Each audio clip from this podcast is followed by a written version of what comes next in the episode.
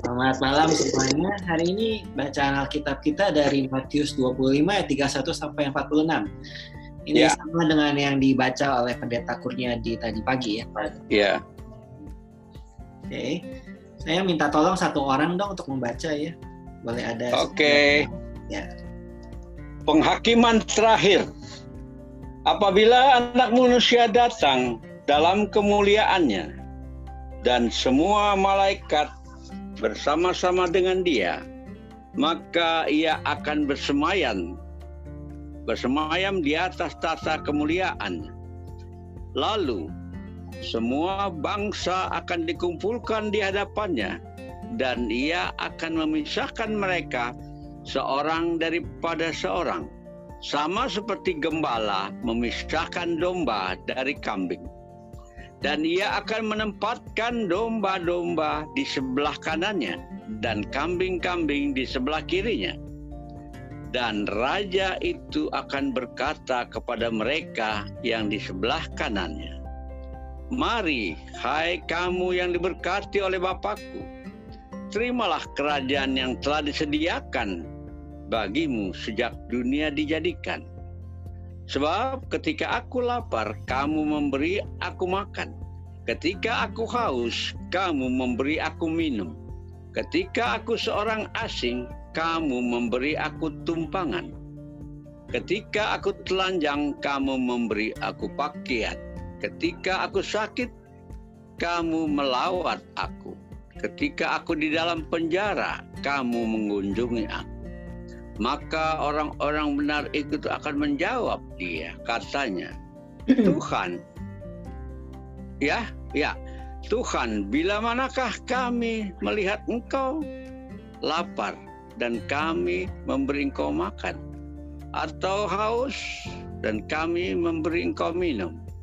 Bila mana kami, bila manakah kami melihat Engkau sebagai orang asing? Dan kami memberi Engkau tumpangan atau telanjang dan kami memberi Engkau pakaian? Bila manakah kami melihat Engkau sakit atau di dalam penjara dan kami mengunjungi Engkau? Dan raja itu akan menjawab mereka, Aku berkata kepadamu, sesungguhnya segala semua yang kamu lakukan untuk salah seorang dari saudaraku yang paling hina ini, kamu telah melakukannya untuk aku. Dan ia ber, akan berkata juga kepada mereka yang di sebelah kirinya, Nyahlah dari hadapanku, hai kamu orang-orang terkutuk. Nyalah ke dalam api yang kekal, yang telah yang telah sedia untuk iblis dan malaikat-malaikat. Sebab ketika aku lapar, kamu tidak memberi aku makan. Ketika aku haus, kamu tidak memberi aku minum. Ketika aku seorang asing, kamu tidak memberi aku tumpangan. Ketika aku telanjang, kamu tidak memberi aku pakaian. Ketika aku sakit dan dalam penjara, kamu tidak melawat aku.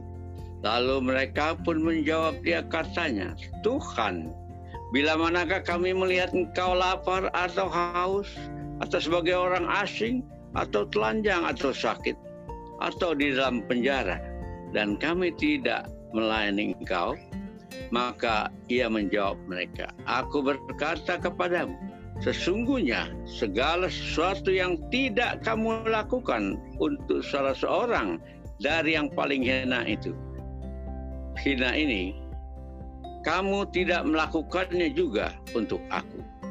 Dan mereka ini akan masuk ke tempat siksaan yang kekal. Tetapi orang-orang benar ke dalam hidup yang kekal. Amin. Ya, makasih Pak sudah dibacakan. Sama-sama. Ya. Uh, pertanyaan pertama ya, apakah ini sebuah perumpamaan? Boleh saya jawab, Bagus? Boleh. Ya, ini bukan sebuah perumpamaan. Bukan, ya. Kenapa bukan, Pak? Uh, karena ini uh, firman apa firman Tuhan sendiri yang berbicara pada akhir zaman.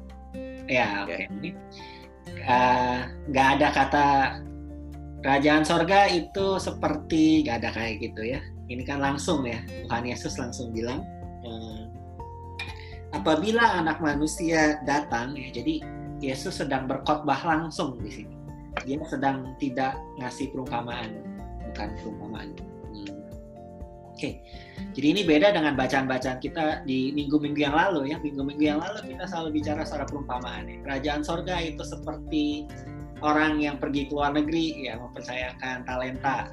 Orang apa, kerajaan sorga itu seperti mempelai. Gitu ya. Nah ini tidak sama sekali ya. Ini langsung Yesus berkhotbah langsung. Bagus. Ya ya Pak kalau tiga ini ya kalau kita lihat memang ada perumpamaan ada yang ini tapi kalau tiga satu mulai dari ayat tiga satu sampai tiga dua itu memang itu bukan perumpamaan tapi hmm. ayat tiga tiga sampai ini kan eh, perumpamaan dengan domba dan kambing gitu Pak. Uh, ya dia bukan perumpamaan langsung itu ya. kalau dalam sastranya disebut alusio apa ya uh, oh gitu ya pengandaian gitu tapi bukan perumpamaan langsung mm -hmm. yang Yesus bikin gitu uh, ini ya itu alusio namanya. Jadi agak ya. agak beda gaya sastranya ya. Ternyata agak beda ya. Kalau tiga satu tiga dua itu men me menyatakan uh, realita nanti pada kedatangan Tuhan Yesus itu. Betul. Nah, sementara kambing dan domba itu hanya saya saya, saya anggap tadi saya kira perumpamaan itu.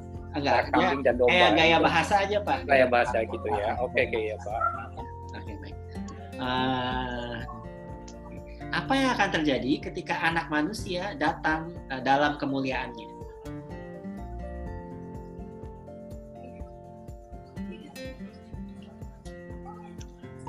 Semua ciptaannya malaikat dan orang-orang dikumpulkan.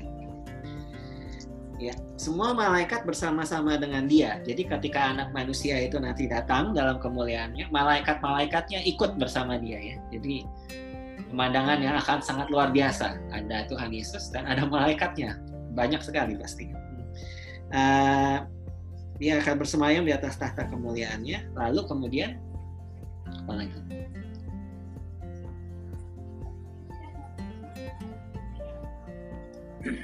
Dia memisahkan orang ya, memisahkan, memisahkan ya. orang ya betul, memisahkan orang antara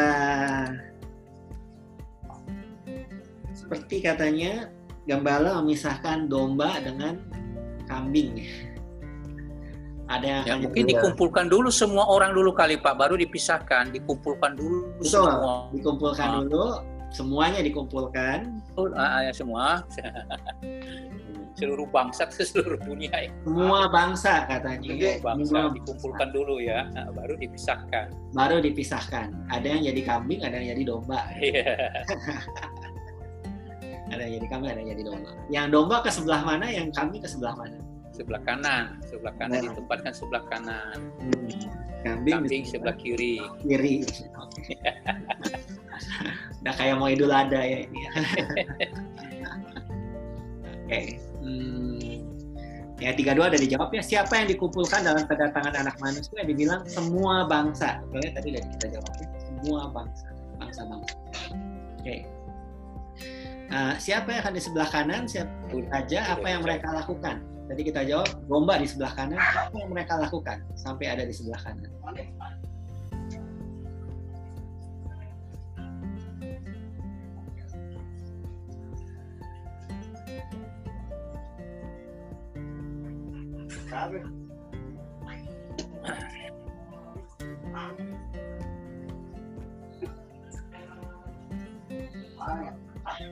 Ada yang mau coba jawab? Ya, kalau yang di sebelah kanan kan ya itu apakah Tuhan Yesus mari hai hai kamu yang diberkati oleh Bapakku terimalah kerajaan yang telah disediakan bagimu sejak dunia dijadikan yang di sebelah kanan Pak. Iya. Hmm. Jadi bersama-sama dengan Tuhan Yesus. Saya ada di sebelah kanan.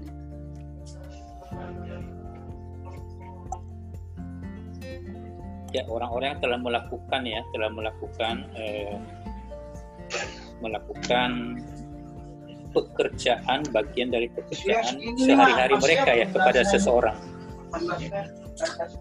yang memberi makan orang lapar ya. Aku asing kamu memberi aku tumpangan ketika telanjang dikasih baju gitu ya. Ketika sakit dirawat. Ketika di penjara dikunjungi. Uh, itu katanya orang-orang yang ada di sebelah kanan ya. Kalau yang ada di sebelah kiri tadi kita bilang kambing-kambing ada di sebelah kiri ya. apa yang mereka lakukan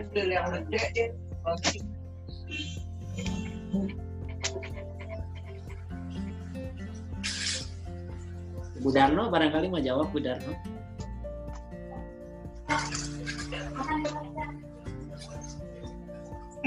Masih mute itu Bu.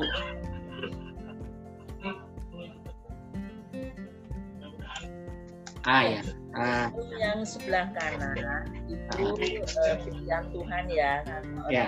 melakukan uh, bukan perintah tapi melakukan seperti tidak Tuhan gitu ya, ya. memberi makan orang lapar, ya. baju orang yang telanjang dan sebagainya.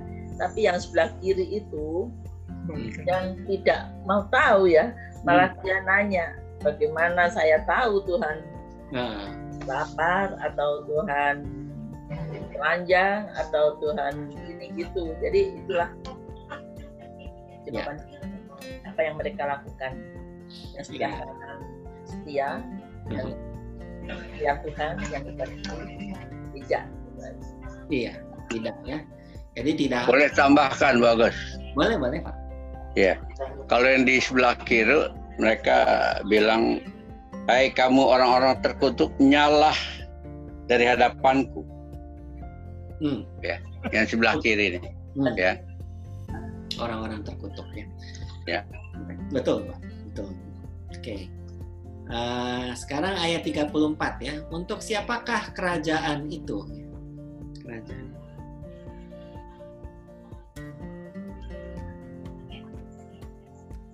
Untuk semua umat. Maksudnya untuk semua ciptaannya manusia. Ya. Untuk yang sebelah kanan aja. Untuk yang di sebelah kanan ya. Tuh. Yang dibilang yang diberkati ya. Tuh, ya. Yang diberkati. Orang yang diberkati Tuhan. Hmm, orang yang diberkati oleh Allah ya. Itu telah disediakan bagi mereka sejak dunia dijadikan kayaknya gitu ya. Nah, yang diberkati oleh Allah. Oke. Okay. Kalau uh, api yang kekal untuk siapakah api yang kekal itu ayat 41 orang-orang terkutuk neraka bisa juga mengerti neraka ya api yang kekal bisa diartikan neraka apa ya neraka Seol ya apa Seol ada Seol itu dunia orang mati. Kalau ini bukan Seol sih, ini katanya tuh neraka Gehana ya, Gehana. Ge dalam perjanjian Gehana ya. Nah, ya Gehana dalam perjanjian baru disebut Gehana ya. Ada juga neraka Jahanam, Mbak. Ada. Gehana. Gehana. Ada lagunya itu. Gehana. Jadi bagi yang nggak tahu ya, Gehana itu sebetulnya tempat pembuangan sampah akhir di Yerusalem. Jadi di Gehana itu api selalu menyala karena kalau di tempat pembuangan sampah kan api dibakar, kan sampah dibakar. Ya. Di Gehana itu sebetulnya tempat pembuangan sampah. Ya, untuk siapa ya api ini ya? Uh, api yang kekal ini. Untuk untuk mereka yang di sebelah kiri. Untuk uh, coba kita baca baik-baik. Ya. Untuk mereka yang di sebelah kirinya. Dan ia berkata juga kepada mereka yang di sebelah kirinya, Enyahlah dari hadapanku, hai kamu orang-orang terkutuk, enyahlah ke dalam api yang kekal yang telah sedia untuk iblis dan malaikat-malaikatnya. Jadi api itu untuk siapa? Iblis dan malaikat. Untuk iblis, iblis dan malaikatnya. Iblis dan malaikat-malaikat. Dan malaikatnya iblis. Nah, sementara tadi kerajaan itu untuk siapa katanya? Untuk orang-orang yang diberkati. Tapi kalau api itu, api kekal sebetulnya untuk iblis, iblis. dan malaikat-malaikatnya ya. Uh, orang-orang yang di sebelah kiri dibilang bisa ikut juga ke situ, tapi sebetulnya api yang menyala-nyala itu untuk iblis, untuk malaikat-malaikatnya. Hmm. Jadi artinya iblis itu punya malaikat juga gitu, Pak? Nah, baru mau nanya. uh, malaikat itu bahasa aslinya artinya suruhan, orang-orang suruhan. Jadi Tuhan punya malaikat, punya suruhan-suruhannya. Ya. Iblis uh, juga punya. Iblis juga punya suruhan-suruhannya. Ya. Jadi untuk iblis tapi buat manusia enggak Pak ya? Buat manusia enggak. ya. Iblis, ah? Pengertiannya gitu jadinya. Iya, api neraka itu pengertiannya kan hanya untuk iblis. Tapi kalau manusia mau masuk ke situ lain cerita gitu loh, Pak. Nah, Iya. begini, ah, ah, ini kan hukuman. Jadi dia mengikut dia mengikuti iblis berarti Betul. kan itu. Iya. Jadi intinya buat iblis aja tapi manusianya enggak kan gitu kan? Ya, Manusianya kalau- bisa ikut ya. Ya, manusia bisa ikut ya. Ngapain ikut? Kita Iya, kan makanya jangan ikut karena sebetulnya manusia bagiannya kerajaan sorga sebetulnya ya. Bagiannya sebetulnya kerajaan sorga. Tapi kalau mau ikut si iblis dan malaikat Iya, boleh juga. boleh juga. larang iya sih. Bisa ikut ke api yang kekal. Tapi sebetulnya sih bukan itu tempatnya dia. Bukan itu tempatnya. Ya, api. Oke. Udah.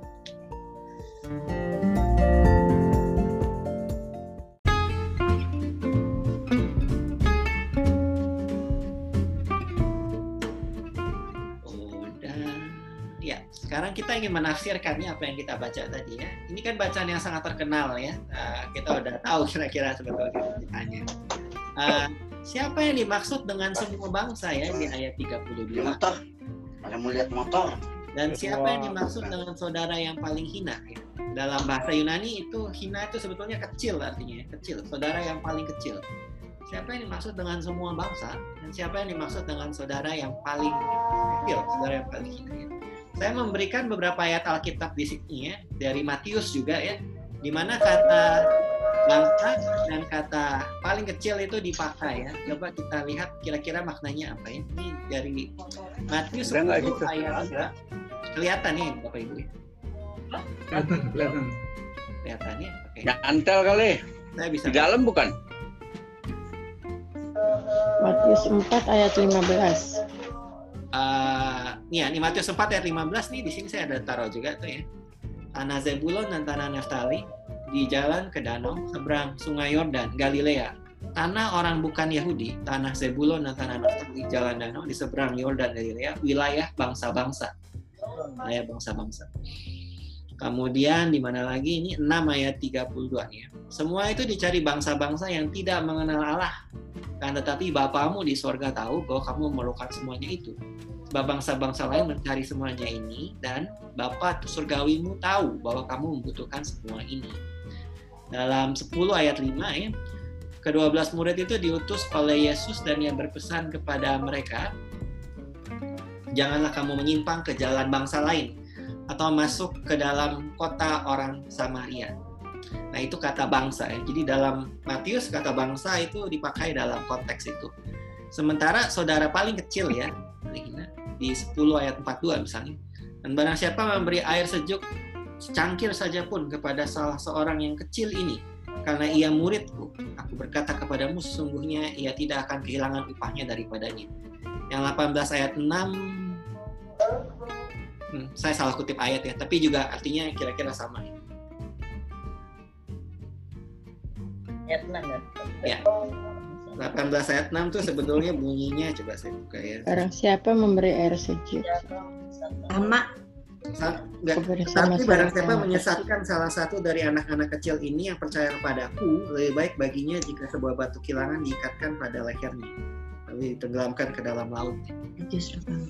Jadi kata bangsa itu dalam Matius ya dipakai dalam konteks apa kira-kira? Semua bangsa. Semua orang. Tidak, semua orang Israel kalau kita ngelihat itunya apa di di itu Bukan- 10 ayat 5 itu bukan. kalau kita terjemahkan di dalam itu bangsa itu dalam 10 Matius 10 ayat 5 itu berarti hanya orang Israel, Pak. Oh, hanya orang Israel, sedangkan di sini disebutnya semua bangsa loh. Berarti Semua dunia bangsa. Di luar Israel juga boleh. yang jadi semua bangsa, bangsa-bangsa itu dalam konteks Matius dipakai untuk merujuk kepada orang non Israel, orang bukan Yahudi ya.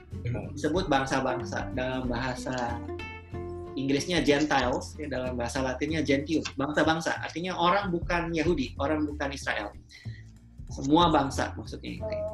Sementara orang yang paling hina, saudara yang paling hina itu maksudnya adalah murid-muridnya Yesus sih. Murid-muridnya Yesus.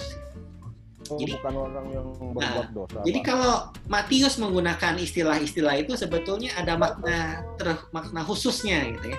Nggak sama dengan yang kita baca sekarang nih, nggak sesuai pemahaman kita ya. Kalau kita kan bang semua bangsa artinya orang Indonesia juga, gitu ya, orang Yahudi juga, semua. Gitu. Tapi kalau Matius sebetulnya menggunakan kata semua bangsa, maksudnya itu bangsa-bangsa non Israel yang bukan pengikut Tuhan. Gitu. Sementara Oh. saudara yang paling hina atau yang paling kecil, sebetulnya maksudnya itu orang-orang Kristen, orang-orang yang menjadi murid-murid Yesus. Nah, tergantung ya bagaimana kita mengerti ya eh, jawaban nomor tujuh tadi ya. Ada dua kemungkinan penafsiran, ada dua kemungkinan tafsir. Jadi tafsir yang pertama ya, kalau semua bangsa itu artinya semua orang, termasuk saya, bapak, ibu semua gitu ya. Ini akan jadi jatuh ke tafsirnya pendeta Kurniadi tadi pagi ya. Dia berkhotbah berdasarkan ini, yaitu bahwa semua bangsa artinya semua orang, termasuk orang Kristen, termasuk orang Israel, termasuk orang Yahudi. Uh, dan kita akan bahas sebentar itu tentang maknanya. Tapi ada kemungkinan tafsir yang kedua ya, yang kedua. Kalau bangsa-bangsa itu artinya orang bukan Yahudi, artinya orang yang tidak percaya kepada Tuhan. Nah, ini maknanya akan beda sama sekali. Nah, kita akan berusaha menafsir dalam dua cara ya. Mulai dengan cara yang pertama dulu ya. Cara yang paling kita paham, cara yang paling kita kenal sebelum kita beralih ke tafsir yang lain. Yang pertama ya. Kalau bangsa-bangsa itunya semua orang. Saya, saudara-saudara, bapak ibu semua ini. Siapa yang akan menerima hukuman kalau di sini? Semua orang. Semua orang yang yang berbuat melakukan kejahatan ya. kejahatan. Semua yang jahat, semua yang apa tidak mempedulikan orang yang miskin, yang tidak mempedulikan orang sakit, itu akan menerima hukuman. Ya, itu yang biasa kita dengar sering kali. Dan siapa yang akan masuk dalam kerajaan? Semua juga.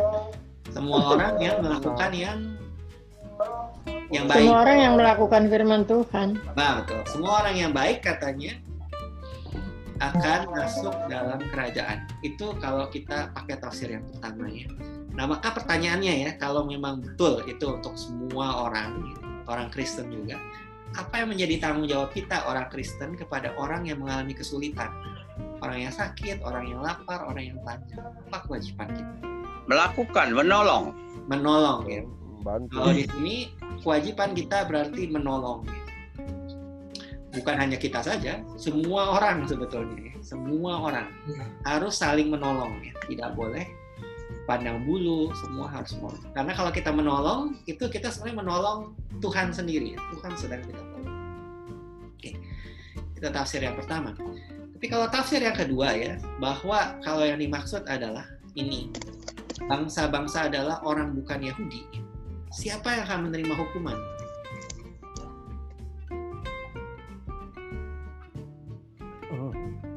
Di luar orang Yahudi. Iya betul. ya. Emang emang saya mau tanya Pak, emang kalau di luar orang Yahudi pasti nggak percaya Tuhan gitu? Belum tentu kan? Betul. Itu kalau Itu. kalau zaman Matius ya Pak ya. Kalau zaman Matius. Tapi kan sekarang zaman sekarang Pak, bukan Matius lagi itu zaman dulu. sabar Bob, sabar. Ini Kita mau tafsiran yang kedua, Bob. Belum, belum sampai ke sana. Belum. Iya. Jadi kita mikir dulu seperti Matius mau mikir gitu ya. Nanti kita Iya. beralih ke zaman sekarang.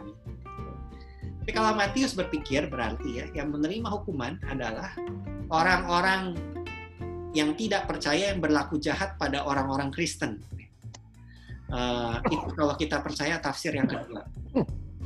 Jadi orang-orang non Kristen yang jahat sama orang Kristen katanya gitu, itu yang akan menerima hukuman. Ya, itu pasti.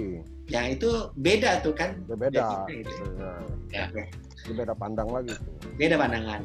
Nomor 9 ya. Siapa yang akan masuk kerajaan? Hmm.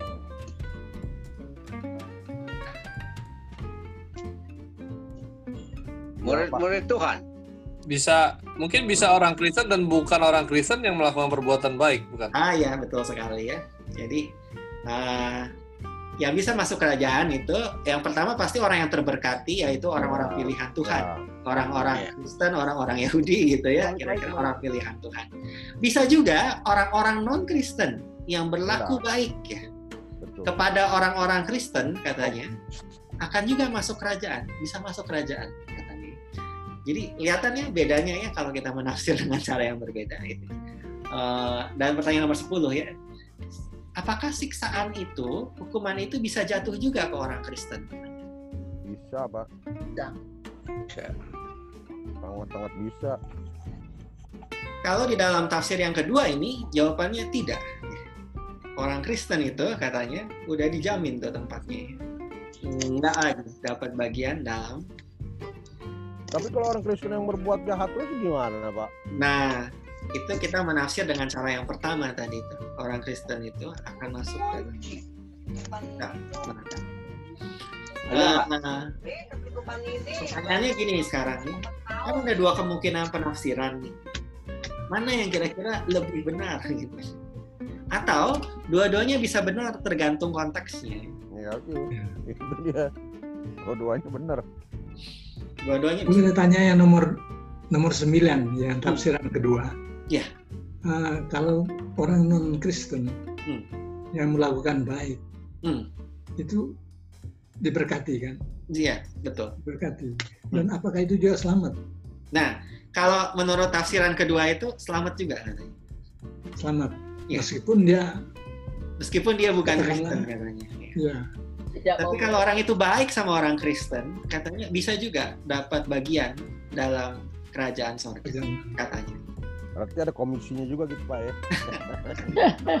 Bagus ini kalau hal begini ya kalau kita yang kedua ini agak ada kontradiksi ya kalau kita ini nih karena di dalam Lukas di dalam itu Markus itu bahwa si- siapa yang dibaptis dalam nama Tuhan Yesus itu yang diselamatkan. Pak. Betul. Ya sementara kalau hanya perbuatan aja kan seperti itu kan eh, kalau hanya mengandalkan eh, perbuatan saja tanpa iman kepada Kristen Kristus ya sia-sia juga begitu juga mungkin Yakobus juga begitu juga sebaliknya. Ya. Tapi yang saya tekankan di sini kalau kita pakai ayat kedua berarti percuma dong eh, dibaptis mereka di dalam eh, ini apa ayat itu? Apa gunanya ayat gunanya itu, gitu. Pak? Iya. Apa gunanya? Pertanyaan yang baik ya. Pertanyaan yang baik. Eh, tapi kita harus memahami gini kira-kira ya. Matius hidup di zaman di mana orang-orang Kristen itu dikejar-kejar. Mereka itu hidupnya sangat tidak sejahtera ya. Mereka dianggap musuh negara. Dan Matius menulis kepada orang Kristen Yahudi, bukan kepada orang Kristen umum gitu ya, yang bukan Yahudi. Dia hanya menulis sebetulnya untuk orang Kristen Yahudi. Jadi di sini uh, Matius ingin satu ya menegaskan orang Kristen itu selamat kok pasti. Tapi kedua ya orang Kristen kalau menerima kebaikan dari orang non Kristen juga jangan anti gitu ya. Karena mereka juga bisa jadi sarana kebaikan Allah. Ya. Betul, Pak. Uh, karena mereka hidup di zaman yang sangat berbeda dengan zaman kita. Iya.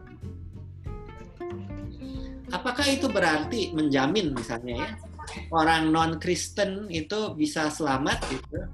Uh, enggak dibilang begitu tidak. Dibilang ada kemungkinan, tapi apakah pasti selamat? Tidak dijaminkan di sini. Itu kembali lagi pada otoritas Tuhan. Pada akhirnya kembali kepada otoritas Tuhan betul ya. Karena kan yang nentuin ada di sebelah kanan di sebelah kiri awalnya siapa? Tuhan. Awalnya Tuhan dulu ya. Gitu ya. kan di sini kalau kita baca ya, lalu di hadapan di semua bangsa akan dikumpulkan dan ia akan menempatkan domba-domba di sebelah kanan dan kambing-kambing di sebelah kirinya. ya. Jadi pertama-tama Tuhan yang misahin dulu. Bukan di tangan manusianya, bukan, tapi di tangan Tuhan. Yang dia pisahin ke kanan, yang dia pisahin ke kiri. Jadi pada kasih karunia Allah, pada kebaikan Allah.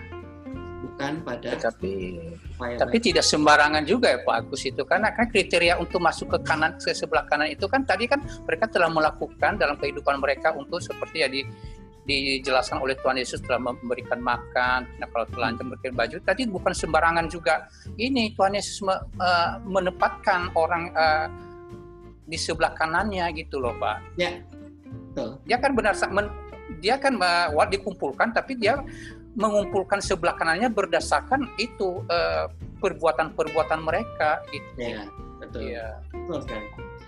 Tentunya pertanyaannya juga ya, kira-kira berapa banyak orang non-Kristen pada masa itu yang berbuat baik pada orang Kristen?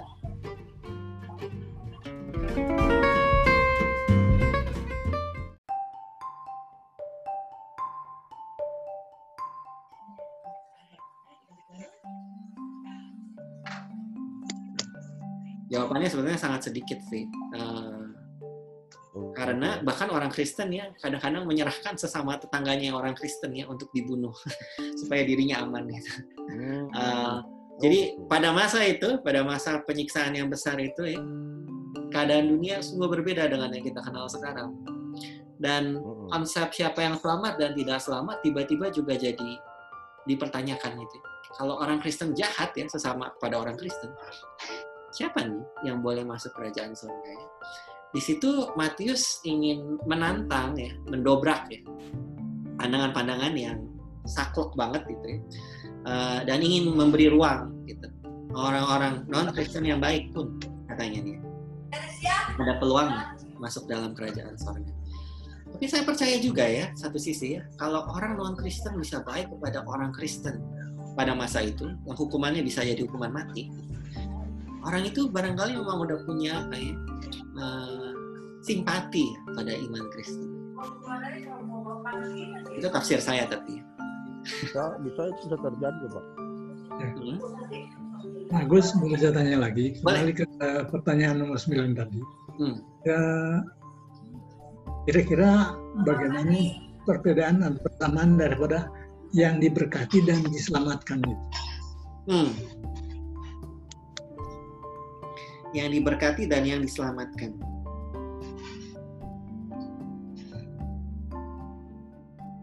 Sembilan itu. Tafsir kedua.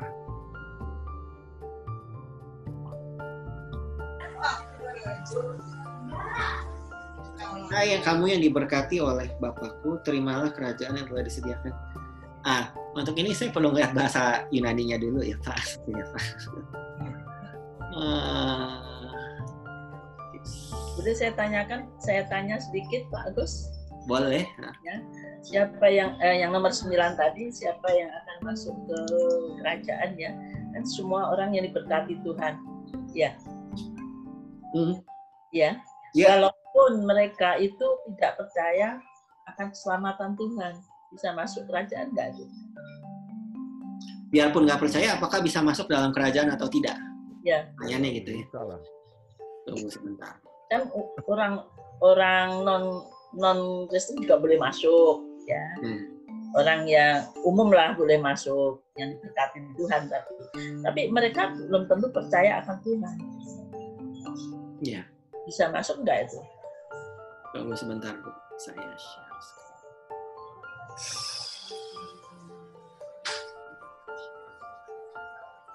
Oke, kamu yang diberkati ya.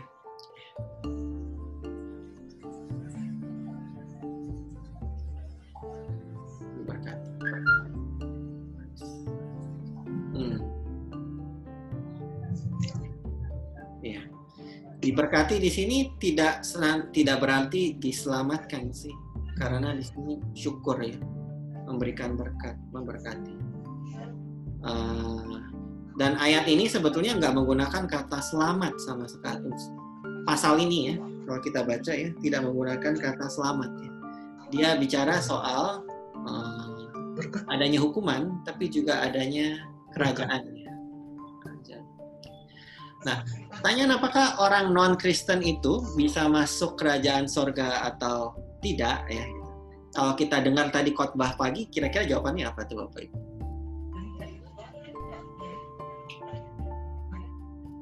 Kalau tadi pagi rasanya bisa. Kalau dia bilang gitu ya. Iya. Eh, tapi saya percayanya gini sih ya Bapak Ibu ya. Ini percayaan pribadi saya. ya. Siapa pun yang selamat ya dan masuk dalam kerajaan sorga, selamat karena karya Yesus Kristus. Apakah dia pada saat matinya beragama Kristen atau tidak, saya tidak tahu. Tapi saya tahu orang itu pasti ada dalam anugerah Yesus Kristus.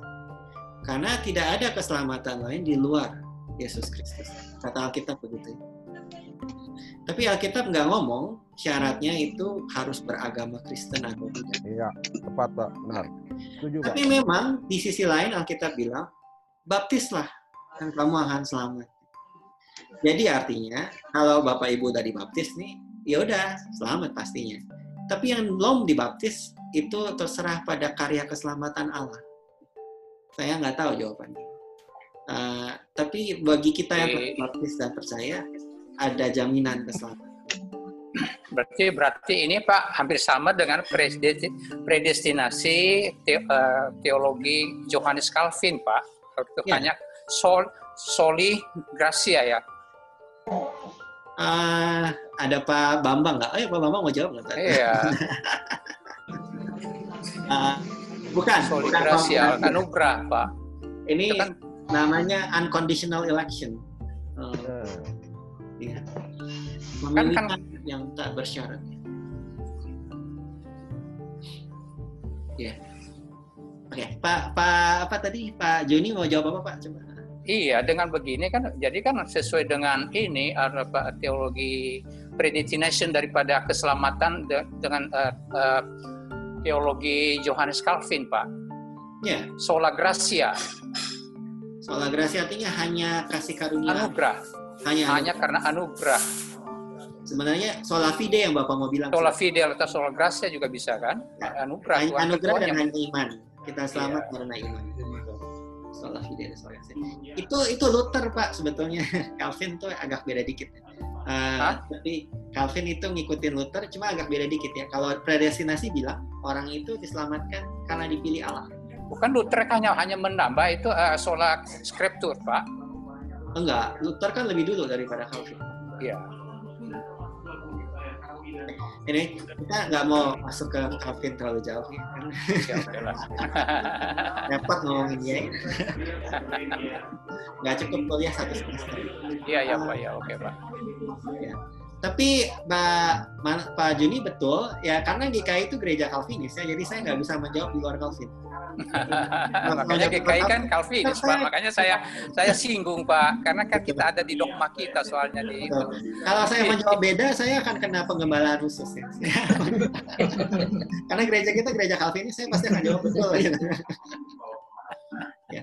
Kita selamat karena anugerah Allah betul. Iya. Bagi kita yang dibaptis karena kita beriman pada Yesus Kristus, kita boleh yakin kita akan dalam kerajaannya.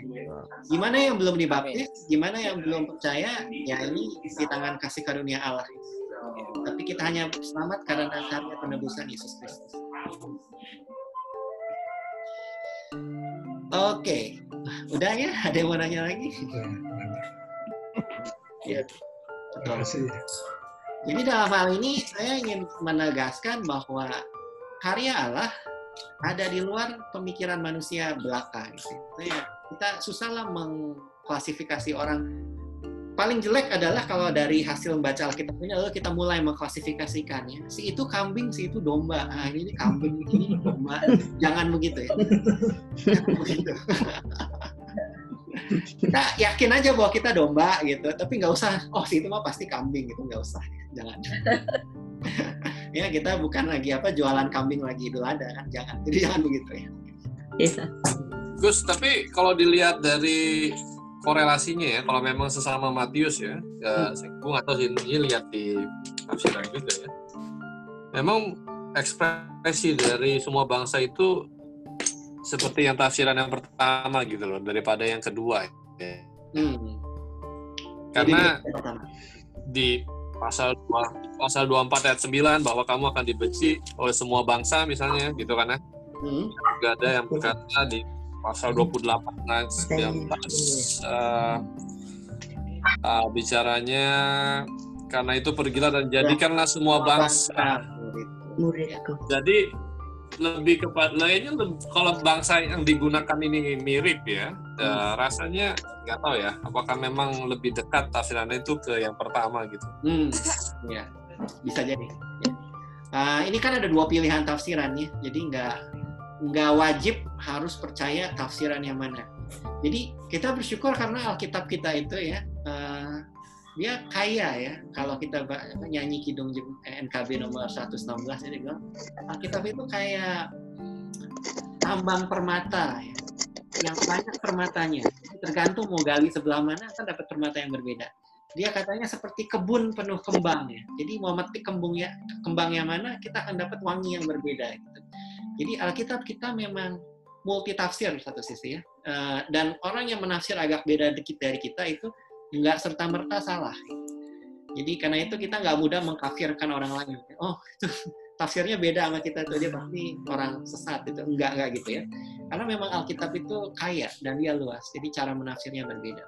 Uh, saya pribadi sih sebenarnya lebih suka tafsir yang pertama juga ya karena itu yang paling tradisional yang paling kita sering baca ya. Tapi buku tafsir saya ya meng- me- menganjurkan tafsir yang kedua ya itu menarik juga ya dia menekankan cara berpikir yang berbeda jadi apakah pasti salah enggak ya? karena memang Alkitab kita begitu luas dan begitu lebar ya. boleh balik Bagus. ya Tolong di bagannya ditampilkan lagi, Pak. betul saya kabar. Pertanyaan bagan. ya oke Oke. Udah kelihatan ya Tadi kan Pak masalahnya yang dibahas eh, siapa yang akan masuk kerajaan sur- eh, kerajaan surga itu yang non Yahudi pada Pak ya. Itu kalau menurut saya kalau non Yahudi itu kalau dia itu berbuat baik, kelakuannya baik di hadapan Tuhan, Tuhan juga bisa melihat. Dan untuk yang terselamatkan itu ya menurut saya itu kalau dalam kehidupan kita ya kita lihat tuh itu otorita- itu otoritasnya Tuhan kok. Yang mau kerajaan, surga itu otoritasnya Tuhan mau kata Andi dapat anugerah kek mau dapat apa juga tetap anu, ujung-ujungnya eh, otoritas Tuhan. betul betul pak pada kedaulatan Allah Iya. Nah, itu nggak bisa. ah, Itu ada di nafsi soalnya Pak. Dalam Alkitab ada di nafsnya. Hmm, betul Itu ada tertulis. Jadi itu memang anugerahnya Allah belakang. Jadi itu mengingatkan kita untuk tentunya nggak sombong ya, yang saya bilang. Karena saya domba itu kambing gitu ya, jadi bujuk-bujuk orang gitu ya, jangan begitu ya. Karena pada ujungnya ini karena kebaikan Allah ya, karena karya Yesus. Oke.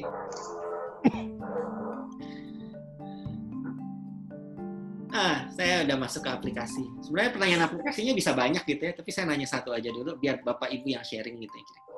Eh, bagaimanakah sikap iman kita ya dalam menghadapi penghakiman terakhir ya? Penghakiman terakhir itu kita sikapi sebagai hal yang apa ya kita nanti nantikan ataukah itu hal yang oh jangan dulu deh atau gimana sikap kita?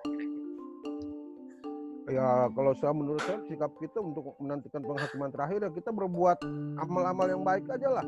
Ya enggak. Artinya ikut firman Tuhan lah kehidupan kita hari-hari kita. Hmm. Dalam apa menantikan penghakiman itu. Hmm. Gitu aja gampang-gampangnya sih. Ya, oke. Jadi kita harus menjaga iman kita. Menjaga Jangan sampai goyah. Jangan sampai Pasti. Sampai, sampai pada penghakiman terakhir. Iya, dan iman kita harus bertumbuh. Ya, betul. harus bertumbuh dalam perbuatan baik tentunya. ya. Betul. Ya. Oke. Ya kan? Ya, ada lagi kira-kira ya? bagaimana sikap iman kita menghadapi penghakiman terakhir? Kalau bicara apa eh, mungkin konteks yang yang yang kita sedang baca dan telah ini memang rasanya berbicara bagaimana kita melakukan perbuatan baik ya pada pada orang lain gitu ya. Ya, Eh, dan ya dengan dengan dengan demikian berarti kita nyata bahwa kita mengasihi Kristus karena memang ya kita melakukan hal itu adalah seperti melakukan untuk Kristus gitu ya. Ya. Tapi memang saya merasa bahwa ini adalah eh, suatu hal yang yang kelihatan yang terdengar mudah ya berbuat baik tapi sebenarnya suatu hal juga yang kadang juga sangat-sangat sulit gitu ya sulit dalam arti karena ya kita kita manusia berdosa ya dan eh, sometimes kita nggak tahu apa yang kita harus lakukan. Begitu ya. Betul. Ya, karena saya tadi juga dari saya juga pulang dari rumah mertua saya gitu ya di tengah jalan saya lihat ada orang yang benar-benar telanjang gitu ya. Dan eh, ya karena khotbahnya hari ini sih seperti itu saya berpikir ulang maksudnya sebenarnya saya harus melakukan apa gitu? Apakah saya turun kemudian saya ajak ke itu sesuatu yang sesuatu yang eh, menggelitik hati nurani saya gitu ya apa yang harus saya lakukan sebenarnya gitu loh Eh, ke mall beliin baju. sebenarnya itu pun juga nggak yang menyes ya kan kalau dalam konteks ini memang baju ya karena nggak punya pakaian seperti itu ya tapi mungkin pertolongannya mungkin bisa lebih dari itu tapi Ya. intinya adalah apa sih yang sebenarnya bisa kita lakukan karena memang ya jujur itu bukan sesuatu yang yang mudah gitu ya maksudnya Betul, bisa betul, Pak. Betul. Iya. Jadi saya saya coba berkaca bahwa jangan-jangan ini cuman ya ini teorinya bagus dan mulia ya menurut saya, tapi memang bukan satu yang mudah gitu untuk kita bisa lakukan gitu ya. Ya. Eh,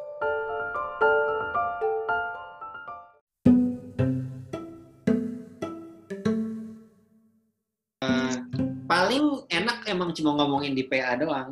Kalau Oh. ngelakuinnya tuh Betul, Pak. beda. ya, misalnya kalau berhadapan dengan Ah. orang yang sakit aja ya, kalau orang yang udah sakit parah gitu, ngadepinnya juga susah banget tuh. Ya kan? Eh, Apakah kita mau jadi perawatnya terus? Ya? Apakah kita bisa jadi perawatnya? Apakah kita mau cukup sabar ya merawat orang sakit? Ya? Hal-hal itu kan nggak gampang dijawab kalau berhadapan dengan kenyataan. Ya. Kalau cuma dibaca ayatnya doang sih ya gampang. Betul. Ya. Ah, Iya, gampang gampang. tapi di situ tantangan iman Kristen yang paling utama ya. Tindakan kita tuh cerminan apa sebenarnya? Apakah tindakan kita sesuai dengan isi khotbah kita atau enggak? gitu. Eh, dan memang nggak ada jalan mudah ya untuk melakukan ini. Kalau kita betul ya ada di sebelah kanan ya, kita dituntut yang besar. Tanya Pak sedikit, Pak. Ya, silakan. Halo, Ya, Pak Agus. ya. In- eh, ini ini menarik kesaksian dari Ricky tadi menarik Eh, ya. Eh, justru kita harus lebih lebih berpikir cerdik ya seperti yang diterapkan Tuhan Yesus bilang. Eh, Pak Ricky bilang apa menjadi satu pikiran ketika dia pulang dari Madura melihat orang telanjang. Ya, kan seharusnya mereka kamu tidak memberi aku pakaian waktu kita apa telanjang, ya kan? Arti, nah itu menggelitik satu pikiran dari Ricky itu sangat menarik. Tapi kita harus lagi melihat dia telanjang ini sakit jiwa, ya, atau apa? Nah ini telanjang yang dimaksud di di di di, di ayat yang Tuhan Yesus berikan ini kemungkinan ada agak berbeda saya berpikir ya Pak ya. Ya. Ya, mungkin kekosongan iman firman, Pak. Ya. Berbeda gitu ya. Ya, gitu. ya memang memang Pak Edward emang ini memang orangnya telanjang dan saya hampir yakin ada gangguan jiwa. Saya saya yakin. Ah, Tapi Jadi tapi Ah. tetap itu pun kalau kita maksudnya gini tetap itu pun ya apakah kita harus menarik kesimpulan itu secara literal gitu bahwa oh iya gitu ya. jadi saya berpikir enggak ya juga. orang itu juga mengalami kesulitan juga gitu dalam arti Ya. Betul. Nah, iya. Ya kita sini bisa bikin macam-macam alasan gitu ya. Oh dia Ya. makasih ya. Oh, ya. Ya, Pak Gus, Pak Gus, Ya, silakan Pak ya kalau saya di ayat 11 ini, aplikasi ini ya mau, eh, tidak boleh ditawar-tawar lagi bahwa kita harus tetap beriman kepada Kristus ya. Ya. Tetapi untuk ya prakteknya yang seperti tadi itu eh, yang dia yang Yesus tadi katakan itu pada waktu saya telanjang kau tidak memberikan aku pakaian pada waktu sakit mengunjungi dan tidak ada eh, apa memberikan tumpangan. Sebenarnya itu ya mungkin untuk 100% kita melakukan itu saya sendiri saya tidak sanggup ya. Dalam suasana seperti ini contohnya ya seperti dalam corona ini ya bagaimana kita sekarang dibatasi nggak boleh mengunjungi orang-orang sakit contohnya. Hmm. tapi yang saya lihat itu semangatnya.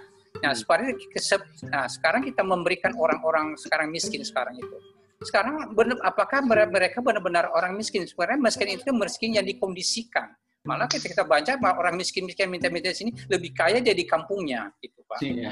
Ya, terus kedua itu kalau orang juga tumpangan memberi tumpangan, mungkin tidak semua orang sembarangan memberikan tumpangan kepada orang pada zaman-zaman sekarang sekarang ini. Entah dia nanti Iya. pencuri atau kita nggak tahu bagaimana. Tapi waktu dulu, Iya, waktu zaman-zaman. Matius menulis ini, saya yakin memang tidak ada mungkin niat-niat yang seperti yang sekarang ini pintar-pintarnya manusia gitu, Pak. Makanya saya bilang tuh, saya sih mengaku tidak bisa 100% untuk melaksanakan. Tetapi saya eh, apa namanya itu eh, semangat untuk melakukan ini ya ada ya. Tapi untuk itu ya nah kita juga harus lihat juga untuk memberikan tumpangan kepada orang sembarangan juga nggak mungkin dong pak. Nggak bisa juga ya, iya nggak bisa. Dan orang miskin itu di jalan itu yang itu yang dikondisikan itu pak. Banyak orang mereka tuh yang saya baca dan saya dengar tuh mereka kaya kaya di kampungnya dia Nah, bagaimana ini kita bagaimana sekarang ini ini makanya saya pikir ya yang benar-benar menurut saya hati nurani saya benar-benar membutuhkan ya saya bantu, saya kasih gitu ya Pak. Jadi tidak tidak tidak semua gitu loh Pak. Betul. Ya. Ya, kira-kira hanya itu aja Pak dengan kondisi sekarang ini dengan kondisi pada Matius pada waktu menulis ini. Ya. Setuju, setuju Pak. Makanya di situ ya tafsir kedua menurut saya ada ada harganya juga ya karena kan itu dimaksudkan untuk menolong sesama orang Kristen gitu ya. Jadi kalau kalau kamu menolong orang Kristen ya, yang waktu itu keadaannya kayak gitu. Karena mereka tuh kan dikejar-kejar ya. Jadi mereka sakit, lapar, dan telanjang gitu. Kalau menolong orang-orang Kristen, ada upahnya gitu kesannya. Kalau dalam tafsir yang kedua. Uh, dan keadaannya beda betul sekali ya. Jadi pada zaman itu dengan zaman sekarang. Hmm. Tapi semangatnya, semangat mau menolong, semangat ya, semangatnya ya. Uh, mau menjumpai Yesus Kristus ya dalam orang-orang yang paling hina ini itu yang harus kita lakukan selalu ya. Jadi gereja harus selalu berpihak sebetulnya kepada orang-orang yang kesusahan. Uh, saya mau menambah sedikit ini seru menurut saya karena ini juga perdebatan hati nurani saya juga sih ya. Karena memang dari kecil tuh saya suka merasa iba ya untuk melihat orang-orang yang memang uh, sedang kesulitan atau apa ya saya tuh merasa iba gitu ya. dan itu saya ungkapin karena saya memang masih kecil jadi saya polos ya jadi saya ungkapkan saya kasihan sama orang ini dengan ke orang tua saya gitu ya. dan kemudian orang tua saya meripla, apa namanya membalas dengan yang ya dengan caranya dia lah ya. tapi saya ada dua kejadian atau artis ada dua yang saya pengen sharing yang pertama dulu pada saat saya remaja saya pernah mengunjungi apa ya pelayanan di penjara gitu ya uh, dan penjara anak gitu ya remaja ya dan apa namanya dan dia memang sangat tidak layak dan sangat sangat sulit buat saya yang tidak pernah ke penjara dan kemudian akhirnya saya ke penjara dan melakukan pelayanan ya. Tapi setelah selesai dari dari semuanya itu, setelah saya pulang, saya melihat bahwa ini sesuatu tempat yang saya nggak mau kunjungi lagi gitu ceritanya. Ya. Tapi dalam artian seperti ini bahwa ya kita harus memberikan atau menunjukkan kasih kita juga ya pada orang-orang yang memang yang ya di penjara yang dalam hal ini yang disebutkan juga di Alkitab gitu ya. Nah, kemudian yang kedua saya ingat Pak Gunadi pernah bercerita bahwa salah satu hamba Tuhan atau pendeta ya memang dia me, me, apa ya melakukan ini secara literal gitu ya. Bahwa ada orang yang apa misalnya telanjang ya terus dibawa pulang ke rumah dimandiin kemudian dikasih baju yang layak dan lain-lain ya. Jadi memang orang berhak untuk menginterpretasikan itu bagaimana melakukan tindakan itu dan uh, bagaimana spiritnya dan lain-lain. Itu memang uh, itu itu adalah kebebasan orang untuk bisa berapa ya namanya ber, uh, berpikir kemudian memutuskan. Tapi satu hal yang saya melihat bahwa dan saya dan saya sangat setuju dengan pemahaman ini ya.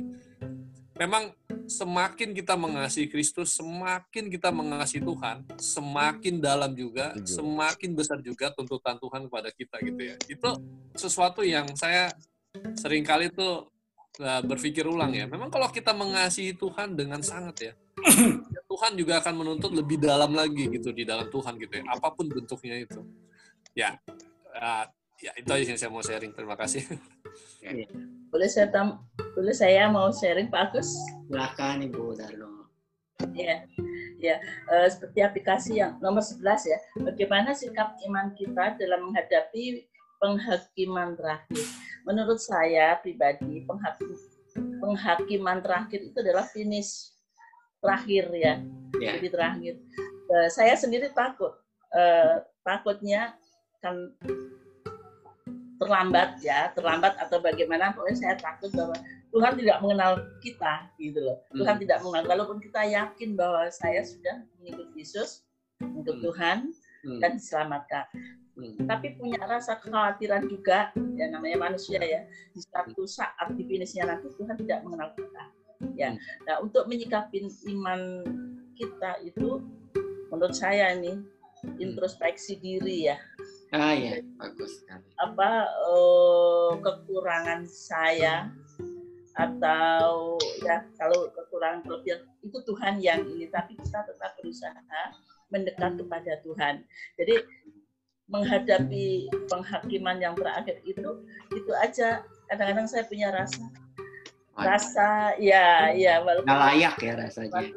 Takutnya Tuhan aku tidak mengenal engkau itu aja yang saya inginkan bagaimana untuk mengatasi itu? Hmm, ya. Ya.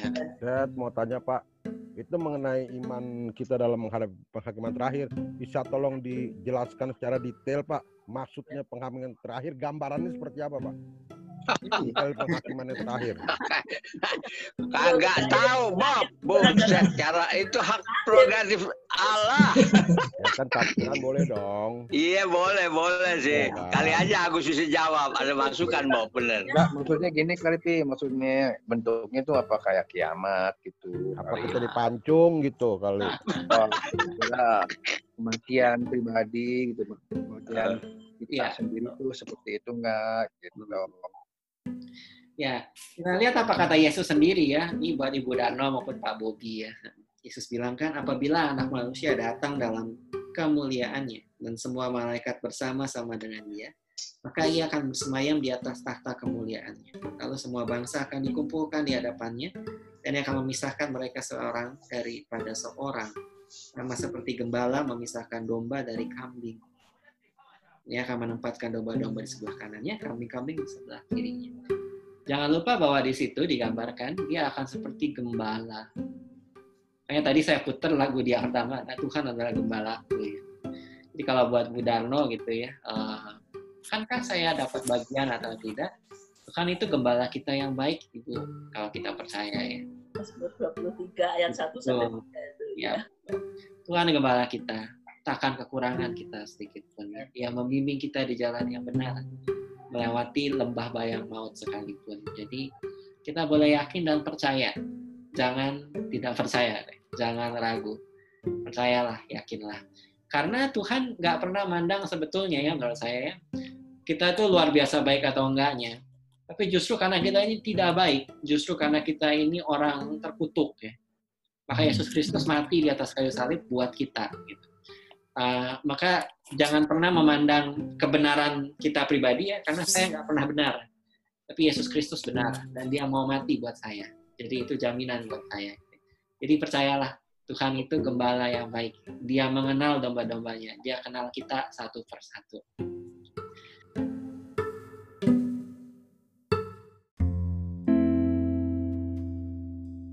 Lalu tadi, jadi pengadilan itu, penghakiman itu kayak apa gitu ya? Apakah kayak masuk ke ruang pengadilan ada hakim tiga di depan dengan meja hijau gitu ya? Kalau di sini gambarannya enggak ya? Gambarannya kayak sebuah apa ya? Kayak sebuah orang ber apa ya? berbaris besar-besaran gitu ya. Tuhan datang dan ada malaikat-malaikat di sekeliling dia. Saya membayangkan itu pemandangan yang sangat amat indah ya, sangat amat menakjubkan. Soalnya Pak kan ada tertulis di Alkitab uh, banyak yang terpanggil tapi sedikit yang terpilih. Betul. Ya Betul kan? sekali. Banyak yang dipanggil tapi sedikit yang dipilih. Itu mengingatkan kita untuk tidak membuang kasih karunia ini. Kasih karunia ini berharga sekali. Kita ini yang sedikit itu. Kita ini yang nggak layak tapi dipi- dipilih, dijadikan layak karena Yesus Kristus. Jadi eh, menghadapi penghakiman terakhir itu kita dekati dengan iman dan percaya ya. Karena kalau seumur hidup kita kita mengenal Tuhan Yesus sebagai gembala teman kita yang paling baik ya, juru selamat jiwa kita. ya. Maka pada harinya nanti dia juga akan mengenali kita. ya. Kalau kata pendeta siapa ya itu, pendeta Kuntadi almarhum ya, dia kenal tanda baptis kita. ya. Dia lihat tanda baptis. Dia tahu kita punya siapa. Jadi eh ya perumpamaan ini eh bukan perumpamaan ya perikop ini dia bukan perumpamaan. Perikop ini bisa jadi menakutkan bagi beberapa orang ya. tapi juga bisa jadi menghibur bagi beberapa orang ya. Menghibur dalam arti gimana? Dalam arti bahwa seperti kata Pak Juni tadi bilang ya, kita tuh nggak bisa betul-betul ngelakuin ini semua.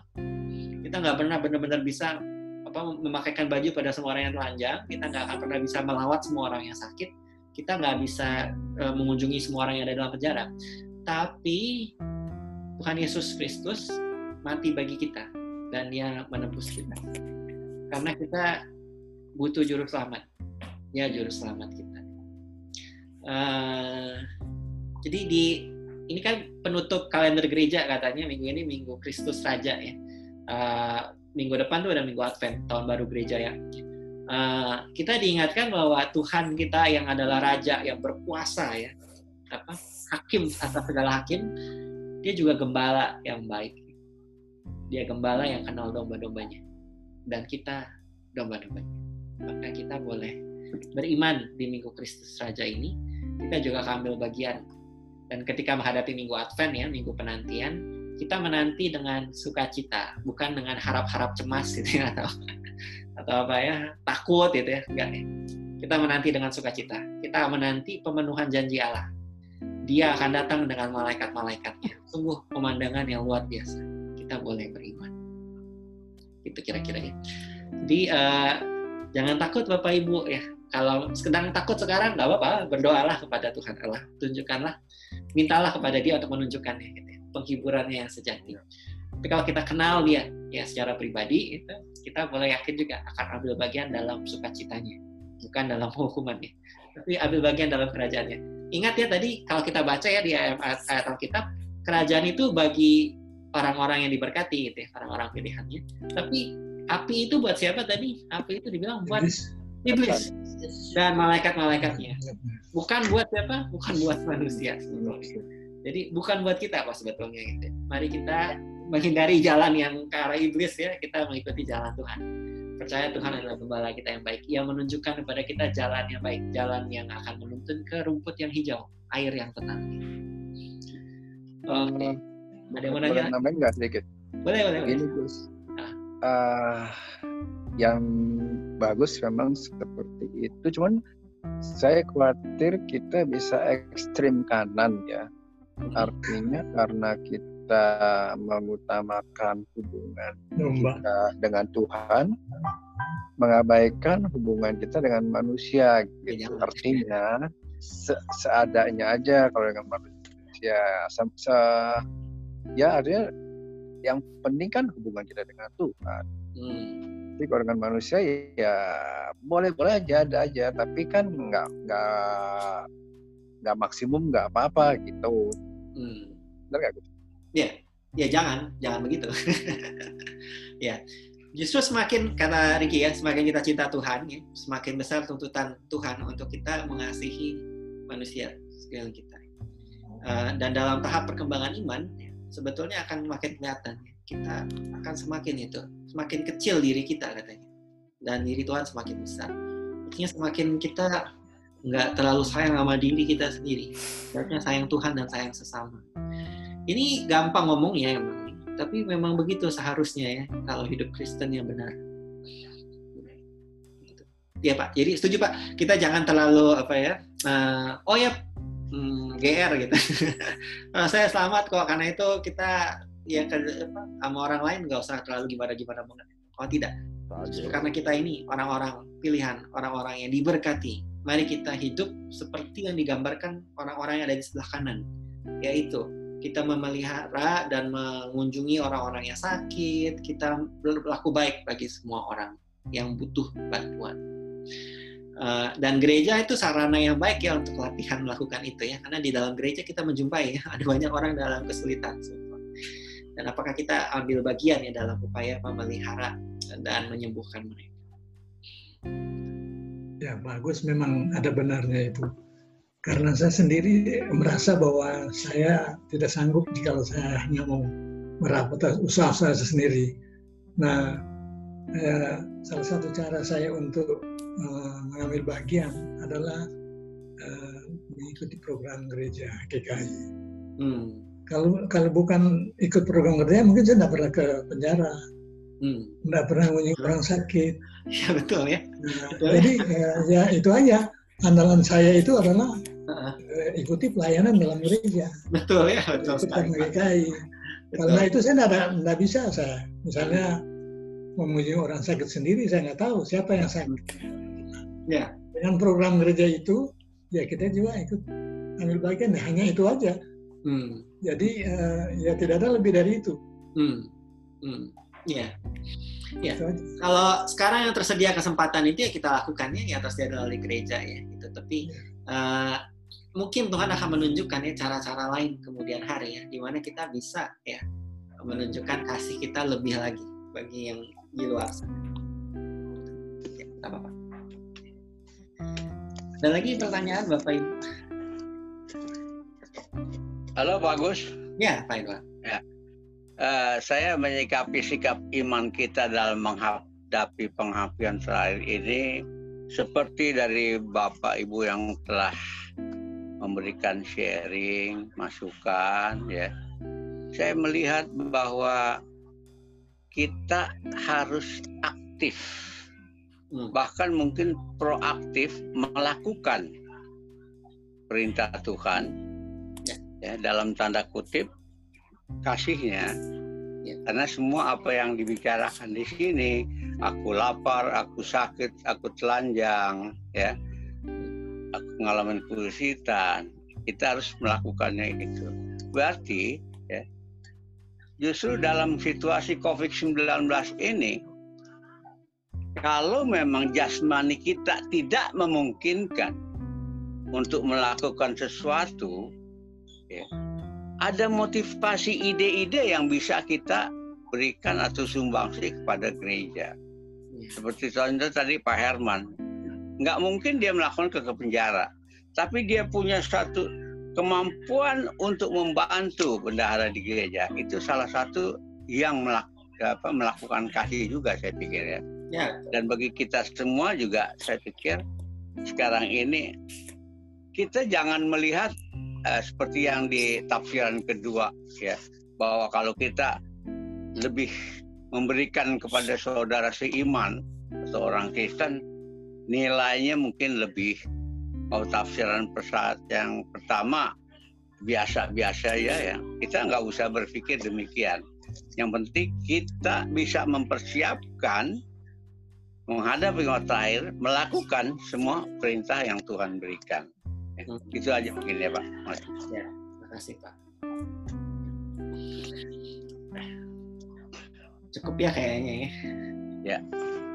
Baik, Uh, terima kasih Bapak Ibu sudah mendengarkan hari ini. Minggu depan saya belum baca sih sebetulnya bacaannya apa ya, tapi itu pasti tentang yeah. Advent, pasti tentang Advent ya, tentang menantikan Tuhan. Ya uh, mari kita berdoa menutup PA ini. Ya. Mari kita berdoa.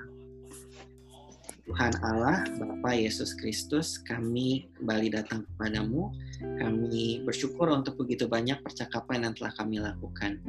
Kami melihat betapa kayanya Alkitab penuh dengan berbagai macam tafsiran yang mungkin. Tapi di antara begitu banyak tafsiran, kiranya kami selalu menemukan kebenaran Yesus Kristus yang hidup di dalamnya Kiranya kami selalu dihiburkan dalam iman percaya kami kepadanya dan dituntun untuk hidup makin berkembang, makin berbuah, makin mau mengasihi Tuhan dan sesama kami. Sebentar lagi ya Tuhan kami akan mengakhiri PA ini dan akan melanjutkan dalam kehidupan kami sehari-hari. Kami percaya tangan kasih Tuhan Yesus Kristus menyertai kami. Dan dalam namanya itu kami berdoa. Amin. Oke. Terima kasih Pak Gus. Selamat malam Bapak Ibu. Selamat malam. Selamat malam. Oke, malam. Malam semuanya. Bye. Bye.